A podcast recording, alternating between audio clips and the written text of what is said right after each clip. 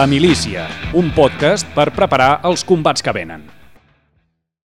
Benvinguts a la milícia. Gràcies per ser-hi un dia més. Us saluda Josep Asensio. Recordar-vos que podeu trobar les converses anteriors a josepasensio.substack.com on us podeu subscriure també per rebre totes les novetats de forma instantània i on escoltareu els capítols abans que es publiquin a la resta de plataformes de podcast com iVox, Spotify i Apple. Avui toquem un tema que, en menor o major mesura, afecta a tothom, la nostra relació amb les xarxes. El convidat amb qui parlaré, Napai, acaba de publicar un llibre per fer-nos adonar de fins a quin punt és nociva aquesta relació i com podem fer per millorar-la. És un treball d'investigació sobre el rol que juguen les emocions per mantenir-nos atrapats a les xarxes, sobre els trucs psicològics que fan servir les empreses de l'economia de l'atenció i sobre els buits socials que venen a omplir aquestes xarxes la solitud, el narcisisme, les relacions afectives i sexuals, tot ocupa el seu paper en l'esquema que, a partir dels algoritmes i de la necessitat humana d'establir contacte social, esdevé un negoci, o més ben dit, el negoci. Napai diu que som esclaus digitals. En la següent conversa indagarem el sentit d'aquesta idea.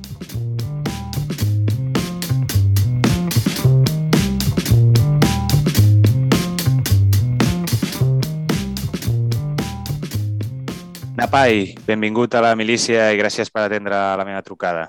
Hola, gràcies a, a tu per invitar-me. En primer lloc, et volia felicitar pel llibre que has escrit. El títol ho diu tot.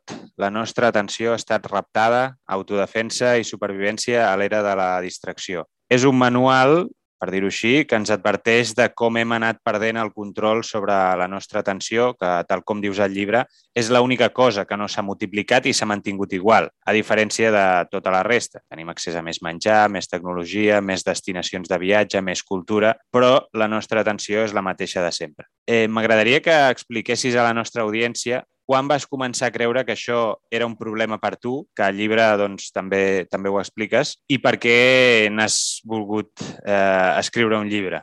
Doncs realment no, en tenia molt poca consciència. Va ser quan vaig començar a investigar les xarxes socials, perquè havia de fer un, un capítol d'un fanzine que tractava de les xarxes socials i dic, bueno, hauré d'investigar una mica el tema per saber de què parlo, perquè sembla una cosa molt senzilla a simple vista, no?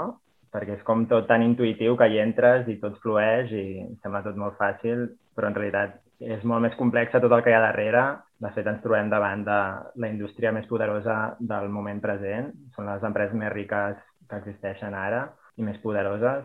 I, i bueno, va ser a partir d'anar investigant, vaig adonar que, que no n'hi havia per un capítol, sinó que havia de fer un fanzine específic sobre el tema i aquest fanzine va anar creixent, creixent, perquè hi havia, vaig veure que hi havia molta xitxa, molta teca, i al final ha acabat esdevenint aquest llibre que també ha sigut com la meva teràpia per, per entendre com funciona i, i entendre que jo estava enganxat i que, que aquest mitjà que sembla tan inofensiu doncs realment havia perjudicat la meva atenció, la meva capacitat de concentrar-me i poder treballar i realment ha sigut això, ha sigut tot un any que, estat, que m'ha servit per, per poder reduir molt aquesta l'addicció i les pitjors conseqüències de, de les xarxes. Si, si et sembla, eh, per posar-nos tots, diguéssim, a la nostra audiència i tothom a la mateixa freqüència donada, per dir-ho així, eh, voldria que definim alguns conceptes bàsics. Eh, tu parles eh, genèricament de les xarxes, però a, a, al principi ho expliques. Eh, què vols dir? A què et refereixes quan parles de les xarxes? Per un cantó sí que em refereixo a que avui en dia tots els, tots els mitjans, tot el que fem servir a internet, en realitat són xarxes, han esdevingut xarxes, la premsa, qualsevol portal, qualsevol aplicació, funciona com a xarxa social perquè és la forma d'enganxar-nos i d'atrapar-nos l'atenció i el seu negoci es basa en això. Tot i així, en el llibre sí que parlo específicament de les xarxes que, que el seu negoci es basen en vendre publicitat, perquè són les més perjudicials, perquè és això. Les altres, les que pagues, les que pagues una subscripció o tenen un altre model de negoci o tenen, o tenen mecenes, com la Viquipèdia, doncs poden ser, són molt més positives, però aquestes que el seu objectiu es basa en captar-nos atenció, que és Facebook, Instagram, um, Google, doncs són les més perjudicials perquè ens atrapen més temps, més atenció i no tenen cap escrúpol en, en fer servir tota mena de manipulacions per, per atrapar-nos l'atenció. L'altre, un altre concepte que és bàsic és eh, l'economia de l'atenció, que ja t'hi has anat referint. Al llibre fas un esquema entre quatre tipus bàsics d'economia eh, al, al llarg de la història.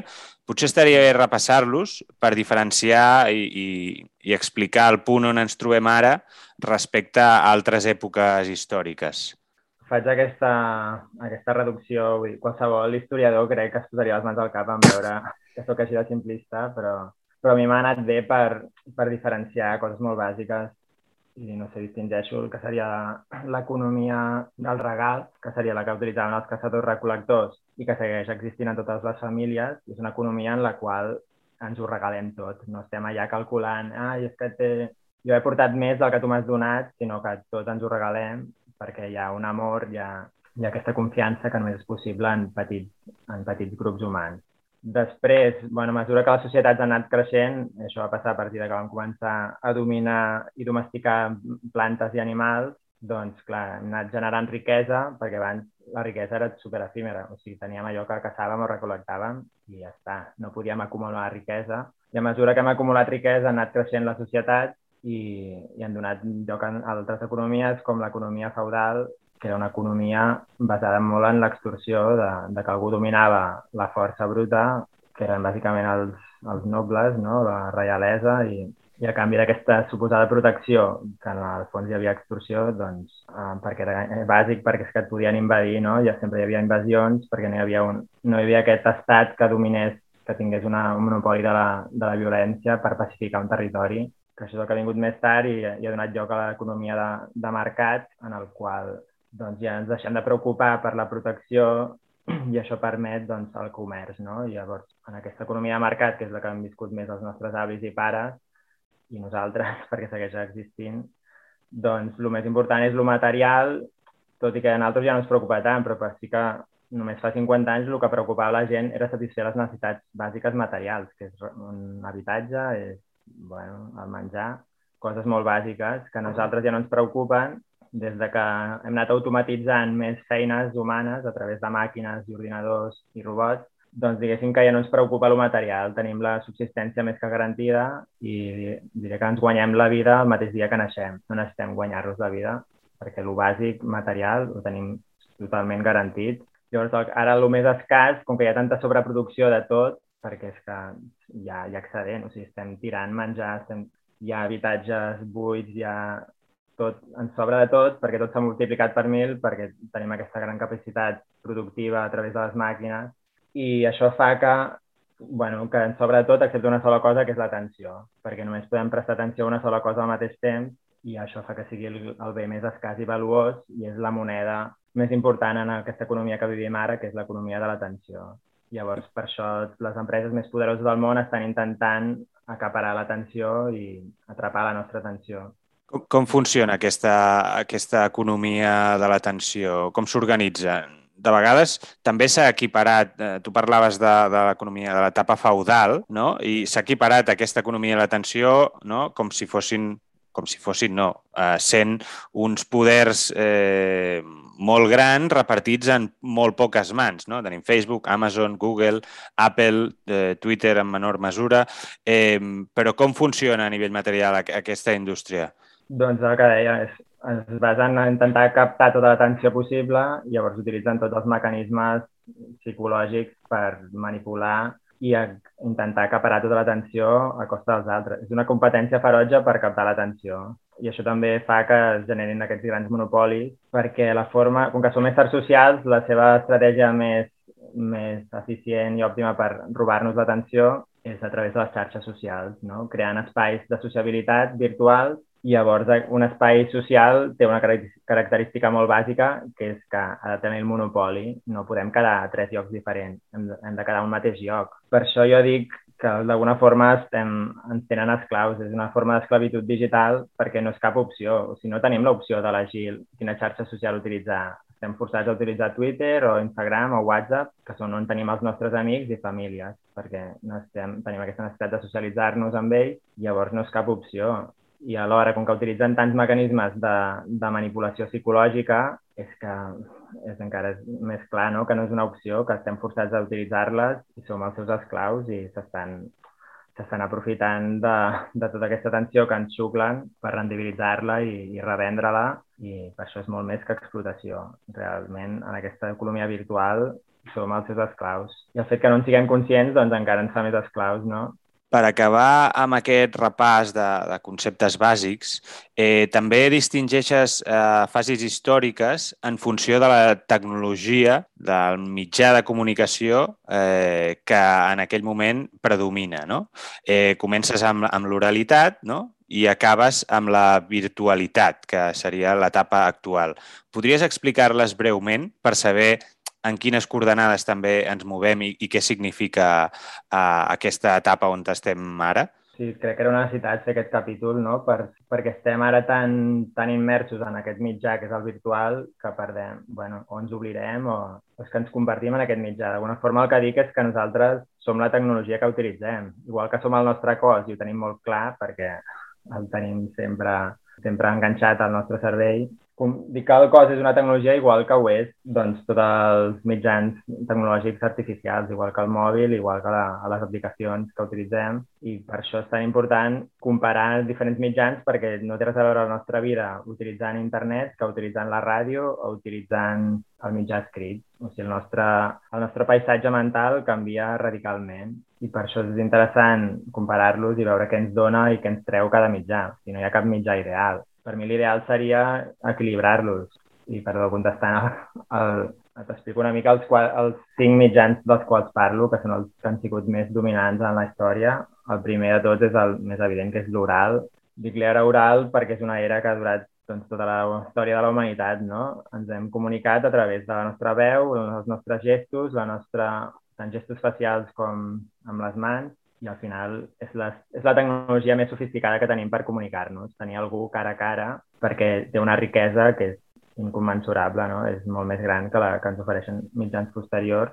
Tot i això té els seus pros i seus contres. El mitjà oral fa que tot depengui de la nostra memòria, perquè, clar, tu en un text pots, pots deixar una cosa allí fixada, però el mitjà oral tot és base en la memòria i per això també promou doncs es veu, per exemple, l'Odissea ve de l'Odissea és una, és una novel·la que està escrita però que prové del mitjà oral, no? que s'explicava a través de, de versos i també tot el mitjà oral al final promou aquesta èpica de coses molt més, que siguin molt més memorables perquè si no te n'oblides i promou els refranys, promou el coneixement de forma que, sigui, que es pugui recordar fàcilment. I després va arribar el mitjà escrit que sobretot va arribar quan es va, es va descobrir la impremta, perquè abans era una cosa molt elitista de, de gent rica i del mitjà eclesiàstic, del món eclesiàstic, no? que es dedicaven a transcriure amb molta paciència i a través de, des que hi ha la impremta sí que es va extendre en tota la població i això fa, va fer que, bueno, va promoure molt la racionalitat, perquè sí que en el mitjà oral acaba preval molt l'emoció del moment, no? En canvi, en el mitjà escrit, tu doncs ja acabes d'escriure alguna cosa, doncs si tu penses molt més que vas escriure i acabes escrivint i pensant d'una forma més profunda i, el més, i, a la, i a més pots ordenar els pensaments. Per mi és el, mitjà, és el millor mitjà per la política, no? per treure-la del mitjà, de lo emocional i tra traslladar-ho a lo més racional i que, que satisfaci les nostres necessitats reals, no? més enllà de l'emoció del moment. Què més? Després parlo de l'era radiofònica, l'etapa radiofònica, que bueno, després hem descrit sí que la ràdio va tenir un petit període en el que va ser el mitjà més el mitjà de comunicació més important i d'alguna forma doncs, va promoure més la... Va, bueno, vam tornar una mica a l'era oral en el, en el sentit que ja va tornar a haver-hi l'emoció no? a través de la veu i el mitjà radiofònic promou la imaginació, no? el fet de que només tinguis la veu i el, bueno, és un mitjà que el defenso molt, bueno, és el que estem ara mateix, no? I el defenso mm molt perquè ens permet seguir amb la nostra vida, ens permet millorar activitats quotidianes, com sigui fer exercici o, fer fe, o, o netejar o cuinar, i no és com els altres mitjans, com la televisió o com, com internet, que ens capta tota l'atenció i hem d'estar ja um, en tots els sentits, no? Ens permet millorar altres activitats. Després parlo de l'era de l'etapa televisiva, que és la prèvia de la que hem viscut, que, que la majoria de gent que som ja millennials, l'hem viscuda des de petit i no, eres, no estàs millor que l'actual, que és l'etapa virtual d'internet, eh, perquè la televisió és un mitjà unilateral on tu ets un espectador i tu has d'empassar en patates tot el que, tot el que t'ofereix, no? Llavors, no, no et permet interactuar i en algunes coses és millor si hi ha mitjans públics doncs, que tenen una idea que no es basa només en captar atenció i que ofereixen doncs, una programació interessant i amb documentals i, i coses que no, siguin, que no sigui telebasura, però s'ha de tenir en compte això. O sigui, és molt interessant comparar-ho amb el mitjà virtual perquè és que el mitjà virtual no tenim cap mitjà públic, són mitjans totalment privatitzats, són empreses privades eh, que es troben a Califòrnia. Comparat amb el mitjà televisiu tenim molt clar que és necessari que hi hagi una regulació, sobretot a nivell polític i electoral, no? o en els, en els continguts que poden que consumeixen els infants, hem, hem necessitat dècades per crear tota aquesta regulació. En canvi, si comparem el mitjà d'internet, és que zero regulació. És que, com a molt, s'està intentant regular a nivell d'impostos, tot i que és quasi impossible perquè són mitjans virtuals, que tenen molts mitjans per escapolir-se. I, bueno, i finalment arribem al mitjà que és el que ha acabat, s'ha acabat cruspint en la resta de mitjans i ara tots els mitjans quasi que tots passen a través d'internet, no? La ràdio la consumim a través d'internet, la televisió, i és el mitjà predominant i és el que, és el que decideix de què parlem, de què discutim i per això acabem parlant de discutint o discutint temes molt marginals, molt minoritaris, però com que són els que generen més ràbia o més polèmica i més conflicte, doncs capten més atenció i prevalen aquests temes. Jo no sóc anti-xarxes ni anti-internet, el que sóc anti és el, la forma en la qual estem, la forma actual, no? que és una forma, bueno, que és un moment totalment privat, si ho comparéssim al món real, és com si al món real tot fos privat, no? Si no tinguéssim carrers, ni, ai, no tinguéssim ni hospitals, ni biblioteques, ni, ni res públic. I inclús els ajuntaments i els governs fossin empreses privades sense cap control democràtic. Doncs això és el que està passant a internet. Tenint en compte que internet és cada cop més important a les nostres vides, més activitats nostres passen a través d'internet, clar, és cada cop més greu ha sigut és algo molt gradual que ens hi hem anat adaptant i hem arribat per mi a una situació realment bastant preocupant. Potser seria interessant per continuar aprofundir una mica la noció que, que també repeteixes al llarg del llibre, que és una cita de Marshall McLuhan, que es repeteix molt i és molt coneguda, però que de vegades, com acostuma a passar amb alguna d'aquestes frases cèlebres, de tant escoltar-la eh, pràcticament ja no, no, no ens vol dir res. No? McLuhan diu, el mitjà és el missatge. Això significa, si, si m'equivoco ja em rectificaràs, que l'essència del, mitjà, del mitjà és el que defineix com serà el missatge. En el cas de les xarxes, com que la seva estructura eh, predisposa cap a això, cap a raptar la nostra atenció, sigui a través de, dels algoritmes programats, tots aquests trucs eh, que deies eh, psicològics per tenir-nos enganxats, els missatges que, que millor hi funcionen eh, en aquest medi són els que despertin les emocions més primàries, com la ràbia, per exemple. Seria aquesta la idea?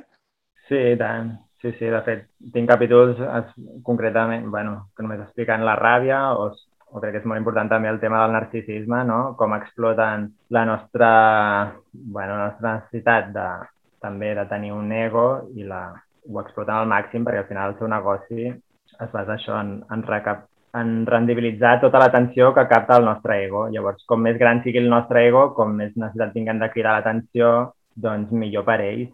I per això han dissenyat espais virtuals enfocats a això, a promoure la, el nostre ego, el nostre narcisisme, en lluir la nostra persona i per això també es basen molt en lo visual. I crec que és molt interessant, interessant comparar, a nivell, comparar a nivell històric, amb, tan sols en 10 anys, com ha canviat els, els espais virtuals que fem servir. Perquè fa 10 anys van tenir molt d'èxit els blogs, els fòrums, on teníem debats profuns i elaborats i, i fèiem respostes igual que potser ens passàvem una hora escrivint una resposta o inclús amb el correu electrònic, no? Doncs realment ens paràvem, estàvem allà reflexionant i pensant sobre debats de forma profunda. Això ha passat a la història i ara els missatges, com molt és un emoji, un molt bé, felicitats, un cor, i ja està, i és tot molt, bueno, no, no els interessa que, que perdem el temps amb això. El que interessa és que estiguem publicant el màxim de coses perquè això fa que ens capta més atenció, no? En lloc d'estar de, massa rato consumint el mateix, no ens, poden, no ens poden posar tanta publicitat entre mig, com més reduïts siguin els continguts, millor. I per això també, no sé, Instagram és molt evident, no? Ara, doncs clar, han creat tot un espai supergran per, per fer lluir el nostre... Bueno, per penjar fotos i, i lluir l'ego i l'espai d'intercomunicació personal l'ha anat reduint cada cop menys. Així com l'internet va començar, estant tot el dia en xats o correus electrònics o intercomunicant-nos de forma personal, ha passat a la història. Ara perdem molt de temps consumint aquestes fotos o vídeos. És, és, és interessant, al llibre també hi ha un apartat i poses molt, uh, també poses èmfasi, que és interessant en la manera de uh, lligar, tu en dius uh, flirtar, flirtejar, eh, que trobo que està bé recuperar aquesta, aquest concepte que, que està una mica, uh, que no s'utilitza gaire, eh, en que tu dius, eh, fa 10 anys eh, igual eh, el que lligava per internet era un friki, no? Una cosa una mica estranya. En canvi, avui, eh, si no lligues per internet, ets el, el, el que no ho fa és el que és l'estrany, no? Perquè avui està també que és un apartat més i, i també és curiós com ho expliques no? Que les generacions més, eh, diguéssim, nadiues que, que s'han crescut amb aquest mitjà no tenen cap mena de rubor ni de, de timidesa a l'hora d'ensenyar el seu cos. Al contrari, com més, com més ensenyin, millor, perquè saben que, eh, diguéssim, el joc va d'això. No? Aquesta, potser perquè jo sóc d'una generació, sóc una mica més gran, eh, em, em, em sobta, no? però que, que realment e, és així, no?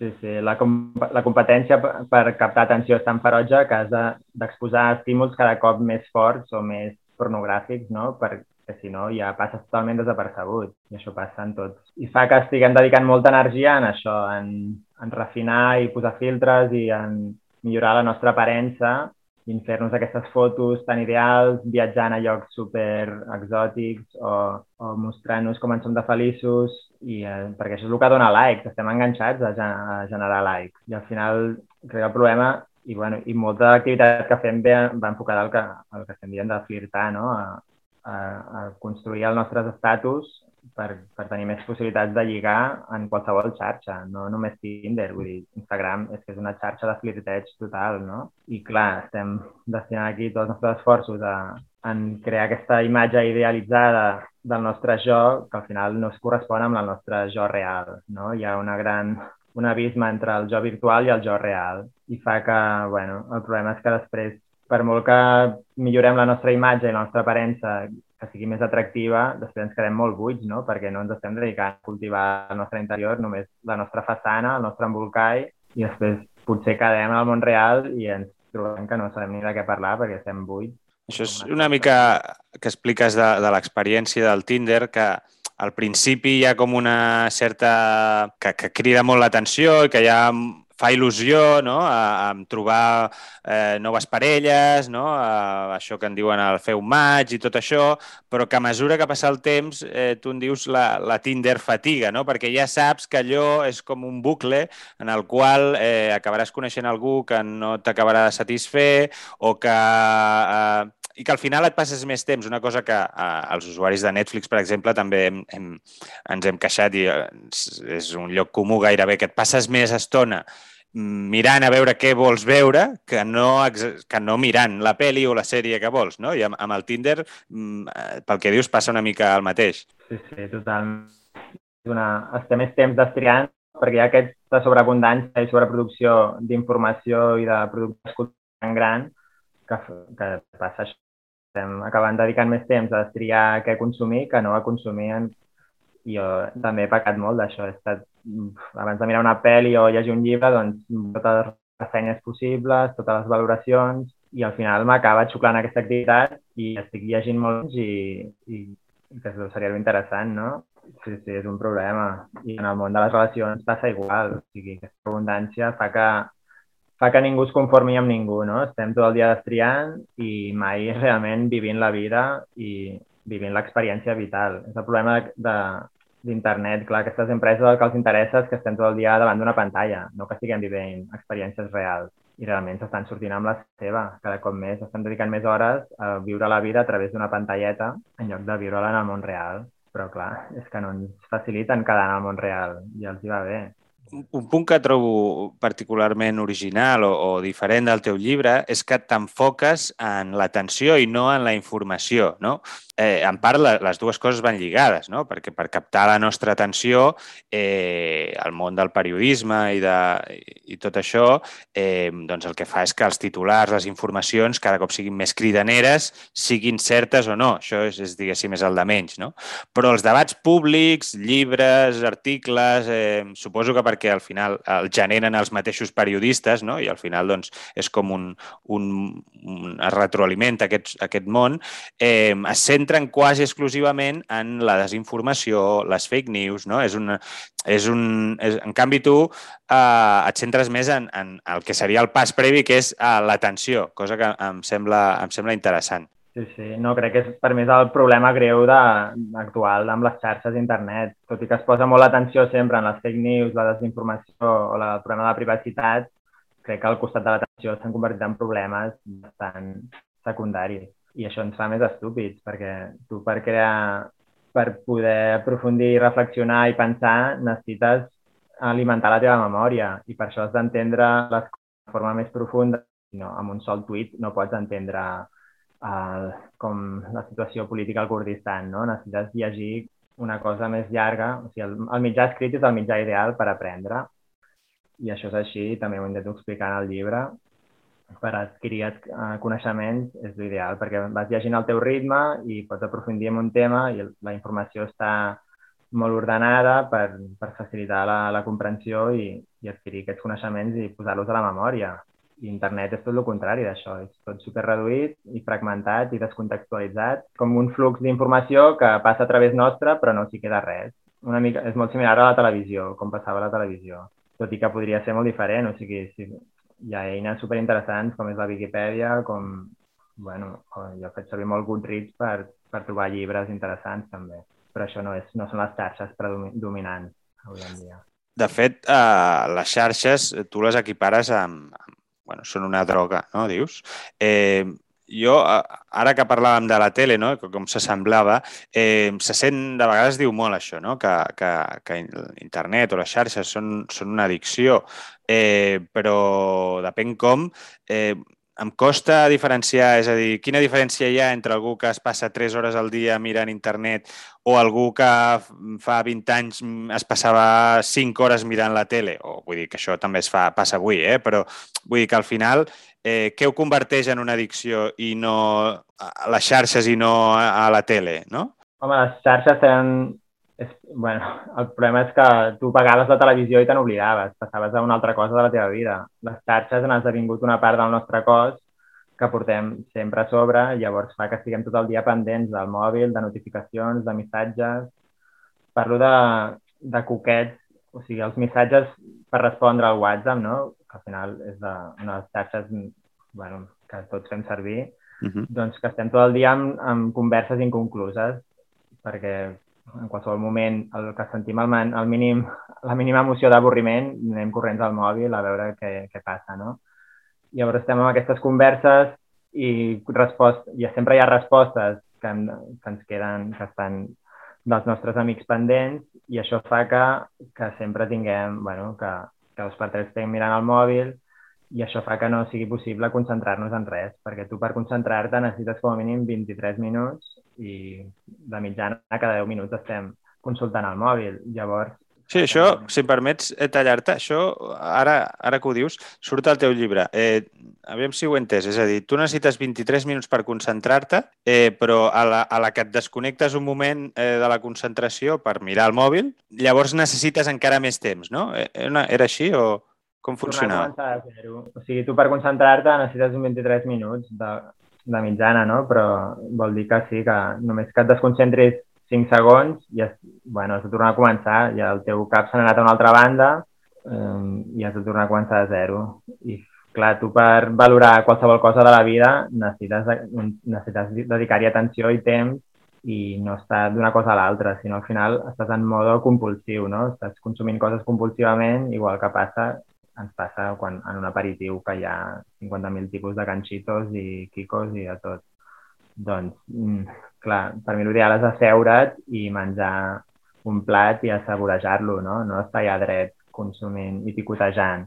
I això és el que estem fent tot el dia. Estem picotejant clar. informació i, Això, clar, tal com ho planteges, és, és que en realitat és, ja no és només que tenim una addicció amb el mòbil o amb una xarxa en particular, sinó que la nostra mentalitat, el nostre cervell és com el cervell d'un addicte, perquè està tot el rato... Eh, tu em sembla que ho compares amb el tabac o, o amb les drogues més, diguéssim, més suaus, en les quals doncs, eh, necessites una petita dosi per anar retroalimentant a, a la teva addicció, no? Seria això? Sí, sí, crec que és molt interessant comparar-ho amb altres drogues més conegudes per ser-ne conscients, perquè encara no hi ha aquesta consciència, no?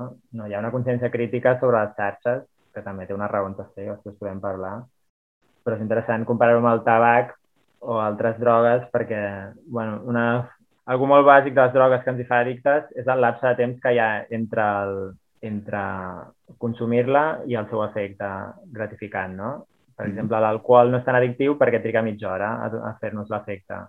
En canvi, la, el tabac és que és en 15 segons, llavors és molt més addictiu. La gent que, que prova el tabac, i com que són moltes calades al llarg del dia, bueno, és molt més addictiu el tabac que l'alcohol.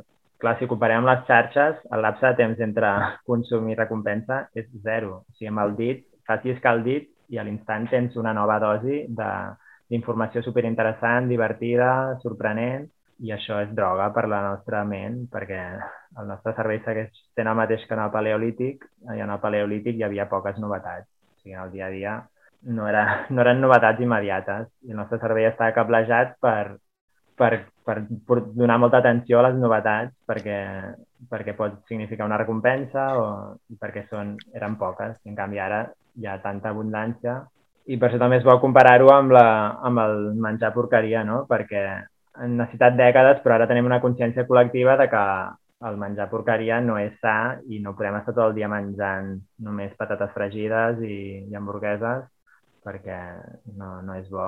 En canvi, amb les xarxes encara no tenim aquesta consciència i estem tot el dia consumint informació porqueria. Jo, hi, hi ha un aspecte que m'agradaria comentar-te, eh, eh, perquè tu això vas repassant el, algunes de les característiques eh, vinculades a les xarxes, al narcisisme que dèiem, a l'ànsia de, de reconeixement social, a l'addicció, com dèiem ara, la solitud, etc. I de vegades eh, se'n fa difícil establir si el problema són les xarxes o si és anterior, és a dir, si les xarxes ocupen un buit que ja existia. No sé si, si estaràs d'acord, eh? però en part em sembla veure que eh, si dediquem tant de temps a les xarxes és perquè potser no sabem què fer amb la nostra atenció. És a dir, aquí es barreja el fet de que hi ha una economia, efectivament, una economia de l'atenció mm, dedicada a bilions i bilions de, d'euros o de dòlars, el que sigui, a, a xuclar la teva atenció i després hi ha un altre aspecte que, que potser també estaria bé comentar eh, és que, per exemple, no, parlant de, de la solitud, no, hi, ha, hi ha un llibre molt famós de fa molts anys que es deia Bowling Alone, que deia això de que que ja la gent no anava, no anava, això era dels Estats Units, no? que no, no anava, que no feien grups de, per anar a la bolera, no? i que s'estaven disgregant les comunitats i tot això. Eh, això és, és previ a l'arribar a les xarxes. Hi ha un caldo de cultiu que afavoreix aquesta irrupció de les xarxes, no? Sí, bueno, la meva tesi és que les xarxes al final no és el problema, no és l'origen del mal. Al final la, necessitem les xarxes per sobreviure en un, perquè actualment ho tenim tot, tota la vida fragmentada, no? La feina, els amics, la família, està tot tan fragmentat i tot llunyà a nivell geogràfic, doncs que necessitem les xarxes per reconnectar-ho una mica i poder estar a prop de la gent que ens estimem, sentir-nos a prop virtualment de les persones amb qui volem estar.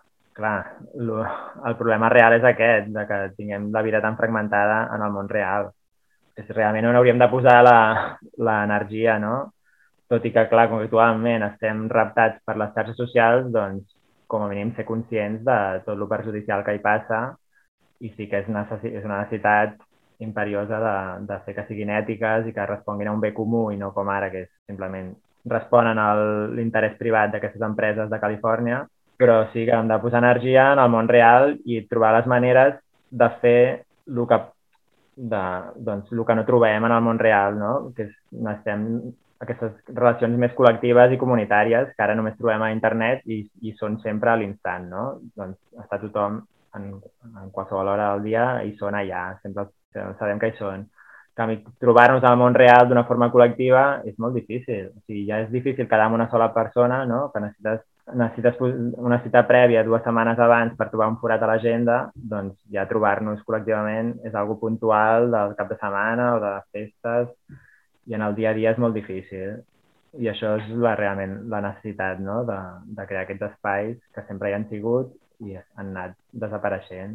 Jo, no sé, més de més jove recordo que hi havia molts més espais de trobada de jovent a places i llocs i que ara ja no ho veig. Veig les places i, els, i aquests espais ja inexistents i és, per mi és com una necessitat bàsica de tot individu, tenir espais de trobada col·lectiu, o sigui, en algun format. Vull dir, segueix venir als bars, però l'ideal és que sigui espais més, més horitzontals i autogestionats i que, com serien ateneus, casals, bueno, cadascú ha trobar aquesta forma d'espai col·lectiu i casual, que no hagis de quedar, no? que sigui molt més fàcil trobar-nos, que és el que, hi ha, que trobem a internet molt fàcilment i en el món real. Doncs... Cosa, cosa que ara que em fas, em fas pensar que potser amb el tema de la pandèmia eh, no? hi, ha, hi ha hagut un fenomen que no sé fins a quin punt s'ha exagerat o no, que és el de, de la sortida, de les, és a dir, de, de, de l'exili de les ciutats, és a dir, que la gent ha marxat de les ciutats grans. Eh, no sé si amb això, amb el temps, potser eh, veiem que eh, amb els pobles és més possible fer, fer aquesta, aquesta cosa que dius tu, no? de, de les trobades casuals i, i, i que hi hagin espais on tu vas i saps que segur que et trobaràs algú, algú conegut o no, però que pots fer un espai de relació. No sé si et sembla que, que això pot, pot ser un, una petita, un petit bri d'esperança. Sí, sí, està clar que és molt més fàcil en els pobles perquè és que en una ciutat, a més com Barcelona, no? que és tan gran, i més jo, per exemple, tinc molts amics a Barna, però estan tots en barris diferents. Per mi, bueno, els únics espais de trobada col·lectius a Barna són això, quan hi ha una festa, quan hi ha algú molt puntual. I, i sí, al final crec que bueno, també es pot trobar en, en, hi ha barris que funcionen com a pobles, no? Però bueno, s'ha de tenir en compte aquesta necessitat que crec que es té molt poc en compte. Clar, perquè sempre és més feina trobar-nos i, i crear activitats estructurades o, o sigui, tenint els videojocs, tenint internet on tot ens ofereix aquesta gran facilitat no? per gaudir d'experiències, en el món real tu has de currar i tenim aquesta, tenim aquesta tendència a lo fàcil i, i a la llei del mínim esforç. Bé, doncs, si et sembla, ens queden més o menys uns 20 minuts. Eh, el que m'agradaria fer, si, si et sembla, és intentar, amb el temps que ens queda, donar consells pràctics per eh, que la gent, doncs, a, a banda de que es conscienciï d'aquesta lluita que hi ha per la nostra atenció, que crec que és el que hem fet en, en, fins ara, és de com pot fer-ho a nivell pràctic, quin, quins consells ens pots donar perquè a la pràctica doncs, eh, puguis sortir d'aquesta economia de l'atenció o, o, si més no, eh, puguis sobreviure d'una forma més òptima. Per mi és important, sobretot això, veure que, que ja necessitem solucions individuals per superar l'addicció més greu, però que al final també necessitem solucions col·lecti col·lectives i polítiques, no? perquè no és una cosa aïllada, no és un fet individual, és que estem tots enganxats i al final lo individual serà una mica posar un parche, però bueno, és important actuar a tots els nivells. Jo a nivell individual sí que ofereixo diversos trucos, diversos trucs per intentar superar aquesta, la pitjor addicció o estar tot el dia pendents del mòbil, que es resumeixen amb, amb algú molt senzill, que és intent, tenir, la, la idea és que tenim una tecnologia massa bona, massa potent, és, ho comparo amb l'anell amb, el, amb del Senyor dels Anells, no? Sí. Ens ofereix un poder tan gran i tan enorme i, que és molt temptador utilitzar-lo contínuament i clar, aquest poder és molt fàcil, és tan gran que, que en lloc de és més fàcil que ens domini ell a nosaltres que nosaltres a ell, no? I d'alguna forma llavors hem d'empitjorar aquesta tecnologia perquè és massa bona, és massa accessible, ens ofereix massa facilitats i és massa temptadora. I llavors empitjorar-la vol dir que no estigui tan a l'abast, que no sigui tan accessible i cadascú ha de trobar la manera per intentar evitar tenir-la a sobre tot el dia com per exemple, em sembla que dius una opció seria eh, desempallegar-nos del mòbil de l'smartphone i eh, comprar-nos uns Siemens d'aquells de, que semblaven una tutxana de fa, no? de fa 15 anys. Sí.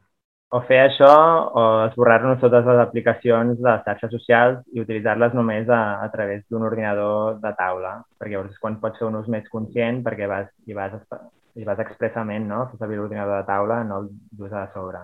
I a mi també m'ha funcionat això.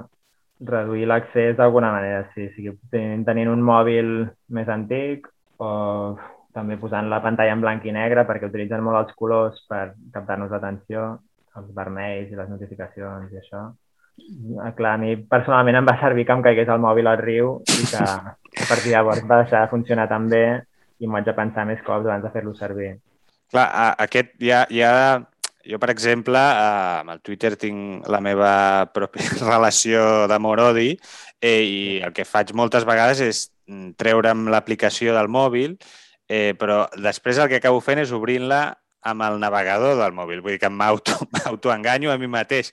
No sé si hi ha algú... Tu dius al llibre eh, que hi ha aplicacions, diguéssim, per autobatar-te eh, això, l'accés a segons quines webs, a segons quines aplicacions. No sé si ens podries dir quin, algun nom d'aplicacions o, o, o orientar-nos en aquest sentit. No et sé dir el nom, però sí, són aplicacions que serveixen per limitar el temps que dediques a una, a una aplicació i que funcionen amb una contrasenya vol dir que si passes de 30 minuts al dia, doncs has de posar aquesta contrasenya, llavors no l'has de saber tu. Aquesta contrasenya li has de la saber un amic teu o algú altre. Val. Perquè és, algo molt bàsic és que totes les aplicacions poden ser positives, però depèn sobretot el tem del temps que hi passis. No? A partir de cert temps, una aplicació et fa infeliç clar, aquestes Instagram i, o, la, o Tinder, aquestes aplicacions que són les que ens roben més temps, són la, les que generen més infelicitat. Què vols dir que en genera infelicitat? En quin sentit?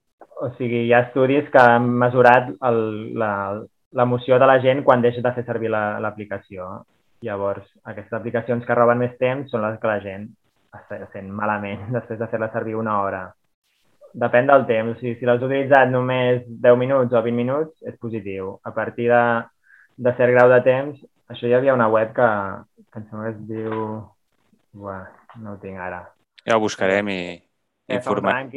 Fa un rànquing que el va actualitzant de les aplicacions més perjudicials en aquest sentit, que ens fa més infeliços i les que, les que més feliços perquè normalment va lligat això al temps que dediquem. Les que ens roben menys temps ens donen una experiència positiva i les, i les altres al revés.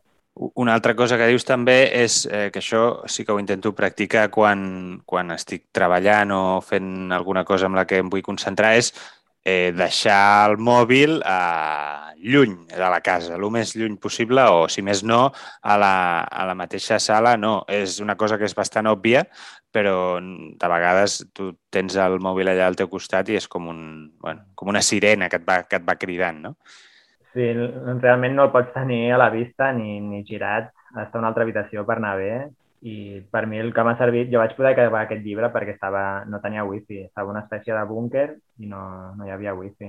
O sigui, i el que, a mi el que m'ha sigut més pràctic és apuntar-me en una nota tot allò que vull buscar a internet. Llavors faig un filtratge. Després vaig a un ordinador de taula amb wifi i faig tot el que hagi de fer d'una forma conscient. És a dir, a, abans de, diguéssim, d'entrar i deixar-te immergir en, en el flux aquest, en els scrolls aquests infinits, tu ja saps què vas a buscar abans Exacte. de... És molt important ser conscients de què estem fent a internet, perquè de seguida és com que ens atrapen l'atenció i ja no saps què estàs fent. És com, al cap d'una hora estàs allà i, i estàs, bueno, no, no saps com, però has acabat veient un vídeo d'un tren de Singapur, no? Vull dir, allò... Clar, pensa que jo he estat tot un any obsessionat amb aquest tema i segueixo sent igual de vulnerable. Realment l'única que funciona és limitar aquest accés de la manera que possible, perquè i per això és important també anar-nos actualitzant de noves trampes que utilitzen, perquè sempre ens porten avantatge amb això. Jo ara fa poc em vaig adonar que estava atrapat consumint notícies superxorres de successos que, que, que, que està dins l'Android i t'ho han posat per defecte. O sigui que a l'escriptori, a l'esquerra de tot, tens aquestes notícies que, a més, no sé, l'algoritme els hi falla molt perquè són coses bueno, que atrapen l'atenció però que realment mai vull obrir-les, però tot i així m'acaben enganxant. Llavors no falla tant, l'algoritme llavors no falla tant si les acabes agafant. Sí, obrint. sí. Si no hi entro, clar, a Google ja li interessa això, que estigui dins de Google sempre, no? mentre em capti l'atenció titulars, estic consumint, consumint titulars xorres. Llavors, eh, bueno, això seria, diguéssim, eh, algunes solucions pràctiques a nivell individual. Tu dius per això que, que ens hem de donar que això no és una cosa que ens passa a cadascú de nosaltres, sinó que ens passa a nivell col·lectiu. I, per tant, eh, a nivell col·lectiu, què, què es pot fer? Per mi el més important és això, crear un codi moral que sigui crític amb les xarxes, que actualment no hi és, perquè no és fàcil, o sigui, és un canvi cultural i sempre aquests canvis triguen anys i dècades i així ha passat també amb el menjar porqueria o el tabac. Han estat dècades per crear aquesta consciència col·lectiva de que no és sa fumar tot el dia o menjar fast food. Llavors, ara en fem un ús molt més responsable perquè hi ha aquesta consciència i aquest codi moral que ens diu que no és bo.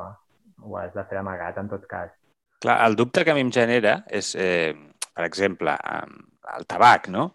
Eh, quan es va crear, eh, diguéssim, un moviment eh, antitabaquisme i tot això, eh, al final hi han unes víctimes, no? És a dir, hi han, el, el tabac provoca unes víctimes, llavors aquelles víctimes és com que emprenen una mica la, la iniciativa. Què passa? Eh, ara eh, tots estem en aquest joc, no? Ho veig com eh, més complicat en el sentit de que el possible legislador o el possible, eh, la possible organització, ONG, eh, col·lectiu que sigui, eh, també està jugant això, és a dir, també està enganxat. I, per tant, eh, és, potser la dificultat és més gran, no, ara? Sí, aquest és un dels greus problemes que, clar, les xarxes socials s'han apoderat del nostre mitjà per dir el que està bé i el que està malament. O sigui, que és el safreig de tota la vida. Llavors, clar, és super hipòcrita qüestionar el mitjà des del mateix mitjà. Ningú ah. vol fer això. Llavors, és, és més complicat, però realment ens hem d'atrevir a qüestionar-lo des de les mateixes xarxes. Però l'altre problema és que, clar, qui té veu? O sigui, la idea era que un mitjà, seria un mitjà horitzontal internet i no ho és, és super jeràrquic i clar, tenen veu molt poques persones i aquestes persones que són els influencers són les persones menys interessades en qüestionar el mitjà perquè ells en viuen d'aquest mitjà. Llavors, realment, aquesta és la dificultat d'extendre un codi moral crític perquè haurà de ser a través d'altres mitjans com jo he fet a través d'un llibre. Però clar, un llibre mai tindrà la repercussió que pugui tenir un sol tuit.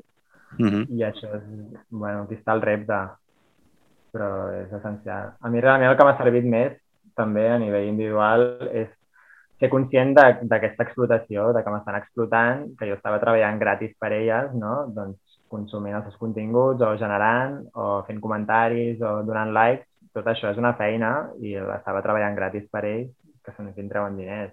I anar veient tots els mecanismes psicològics i les trampes que ens posen per, per robar-nos l'atenció, clar, m'ha anat creixent una ràbia dins que ara doncs, cada cop m'ha fet més fàstic utilitzar les seves xarxes i crec que per això és interessant també ser més conscient de tot això. Hem de buscar altres formes a part de, no sé, d'extendre de, tota aquesta, tot el que estan fent amb la nostra atenció i com l'exploten i, i com ens manipulen. I realment fem el que ells volen. És que, perquè ja fa 10 anys que estem enganxats a internet i això haurem de veure que fa 10 anys no estàvem fent el que fem ara. De, ha canviat moltíssim. Bé, eh, no ho sé, eh, clar, eh, hi ha hi ha uns reptes importants sobre la taula, tampoc eh, és feina nostra de, de resoldre'ls, però sí que, com a mínim, crec que, que amb el teu llibre poses sobre la taula un, un problema, no? És allò de, que diuen de l'elefant, un cop ja diuen que no pensis en l'elefant, eh, l'únic que fas és pensar en aquell elefant. Jo espero que haguem introduït a l'elefant, eh, gràcies a, al teu llibre, a, al qual recomano a tothom, a Tigre de paper, edicions Tigre de paper, Napai, eh, la nostra atenció ha estat raptada i mitjançant també aquesta conversa que espero que, que faci que la gent vagi a comprar i a, i a llegir el llibre. No sé si vols afegir alguna cosa més abans d'acomiadar-nos. No, només això, defensar que consumim més altres mitjans a part de les xarxes, que sigui llegir, escoltar podcasts, especialment llegir, jo crec que és un dels mitjans més interessants per aprendre i, i que ens dona més tranquil·litat i, i no sé, una millor experiència que no pas estar a les xarxes on hi perdem tantes hores cada dia. Perfecte, uh, no puc estar més d'acord amb tu. Eh, Napai, uh, moltes gràcies per aquesta estona que hem compartit i, i que vagi molt bé. Moltes gràcies. I a la nostra audiència, fins a la propera. Ens veiem aquí, a la milícia. Gràcies.